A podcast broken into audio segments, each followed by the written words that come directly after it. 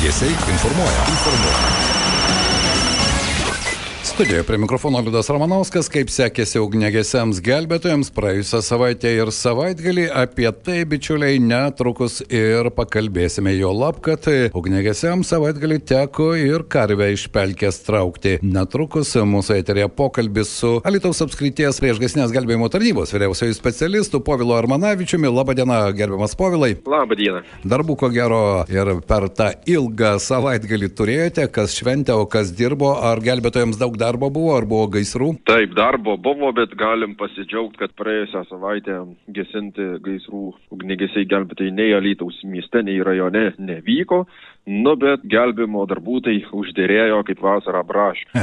tai net 13 kartų vykom padėti, gaisrų nebuvo, bet vat, gelbimo darbas teko važiuoti už tai kolegoms gan dažnokai. Ir kokie tie gelbėjimo darbai buvo be tos karvės, e, e, kurią teko gelbėti Lietuvos rajone Seimeniškių kaime, ten pelkėje skendo karvė ir pasirodo, jog gelbėtojai galbūt nuo jos ir pradėkime, pavyko ją ištraukti. Taip, ir gyvą, sveiką ištraukė, perdavė savininkui, na tai jai čia aplinkybės ne yra prašomos, bet tikėtina, kad gal girdyt vedė, kai būna žmonės, kur yra koks vandens telkinukas, o krantai visokie ir klimstantys ir viską, tai greičiausiai, kad šitai buvo.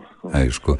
Na, o kokie kiti gelbėjimo darbai, kurių netruko? Taip, tai du kartus automobilių teršalus įsiliejusius eksploatacinius tus vadinamus skyšius reikėjo rinkti. E, tris kartus medikai kvietėsi pernešti sunkia svorį. Na, šį praėjusią savaitę rekordas, sakykime, savaitės keturi prašymai padėti patekti į butą, kuomet įtariama, jog sveikata sutriko ir nieks nereaguoja. Ir tokias į, sakykime, buvo atžvalgoma Nemuno ukėpės atkarpa nuo Jozopavičiaus tilto iki tūkstantmečio, kur buvo ieškoma dingusio piliečio ir įtariama, kad toje atkarpoje gali būti. Taip pat žmonės prasinešė, kad daugiabučiame name užstrigo lifte. Tai kolegos atvykę pravėrė duris, kad deguonys patektų, salapa būdėjo, kol atvyko avarinė tarnyba tarnybą ir tada jau specialistai žmonės išlaisvino. Ir vieną kartą dar važiavom medžio šalinti. Aš tai e, savaitgalį šeštadienį dėl audros gelbėtojai visoje šalyje 27 kartus e, vyko šalinti, Alitaus, e, kaip jūs informuojate, vieną kartą teko šalinti, na, o tie gelbėjimo darbai nemune, ten pavyko kažką surasti ar ne? Ne, tiesiog upės atkarpa išvalgyta, dingęs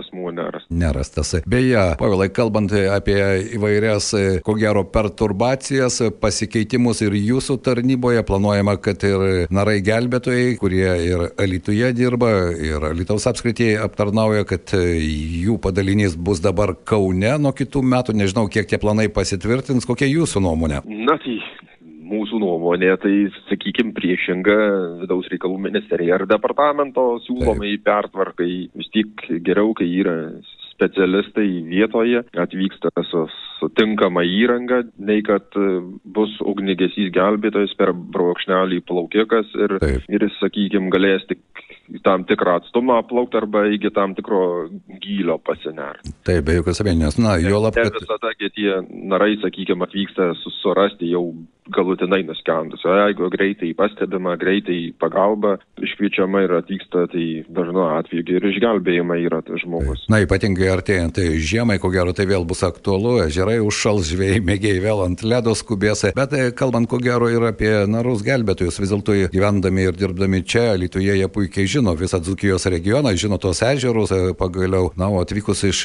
Kauno arba iš Vilniaus, vis dėlto tos žinios ir ta kompetencija bus visai kitokia. Na tai dėl ežerų žinojimo tikrai taip, bet e, kompetencija paslaugos teikime, tai tokia pati, sakykime, visi jie mokinasi tą, pagal tą pačią metodiką, toje pačioje ugnigesių gelbėjų mokykloje žinias tobulina ir įgūdžiai viskas tas pats, tai kad prie, prie važiavimo kelių žinojimas, gal, sakykime, atvykimas, bet kaip ir buvo, kur Lasdėjų rajone tas žmogus paskendo ir kur taip, po kelių dienų, nu tai va, tai vien iš Kauno atvažiuoti, tai kiek laiko truks, sakykime, jeigu paieškos vykdomos va, šaltųjų metų laikotarpio, kada dienos ilgis trumpėja, na tai labai tikėtina, kad tas žmogaus suradimo laiko tarpas dar ilgesnės parvažiuot į įvykio vietą laikas truks, diena trumpa, sutemo, Taip. nespės išvalgyti ir panašiai, bet nu, politiniai vėjai yra tokie. Be jokios abejonės, bet tai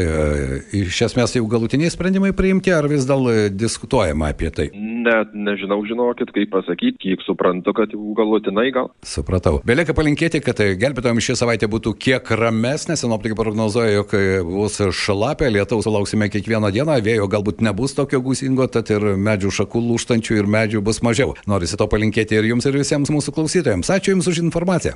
Dėkui, jums prašom viso. Mūsų pašnekovas buvo Lietuvos priešgaisrinės gelbėjimo tarnybos vyriausias specialistas Povilas Armanavičius. Jo informacija apie 13 gelbėtojų atliktų darbų, tame tarpe ir, kaip jau minėjau, Semeniškių kaime pelkėje skendo karvę. Atvykus ugnegesiams ją teko traukti, bet viskas baigėsi laimingai, karvė buvo ištraukta. Na, o kalbant apie savaitgalį, ypatingai vakarinėme šalies pakraštyje, 13 kartų Klaipėdos apskrityje gelbėtojams teko dėl audros vykti šalinti medžių ir du virtę medžiai Klaipėdoje ir Klaipėdos rajone apgadino automobilius. Šiaulių apskrityje tokiu atveju buvo penki, po du telšių, Tauragės Kauno apskrityje po vieną Lietuvos Kauno, Panevižio ir Mariampolės apskrityse. Apie tą įvykį Lietuvoje pasakojo ir mūsų pašnekovas Povilas Armanavičius. Tad man belieka palinkėti visiems saugoti save, savo turtą ir ramios savaitės.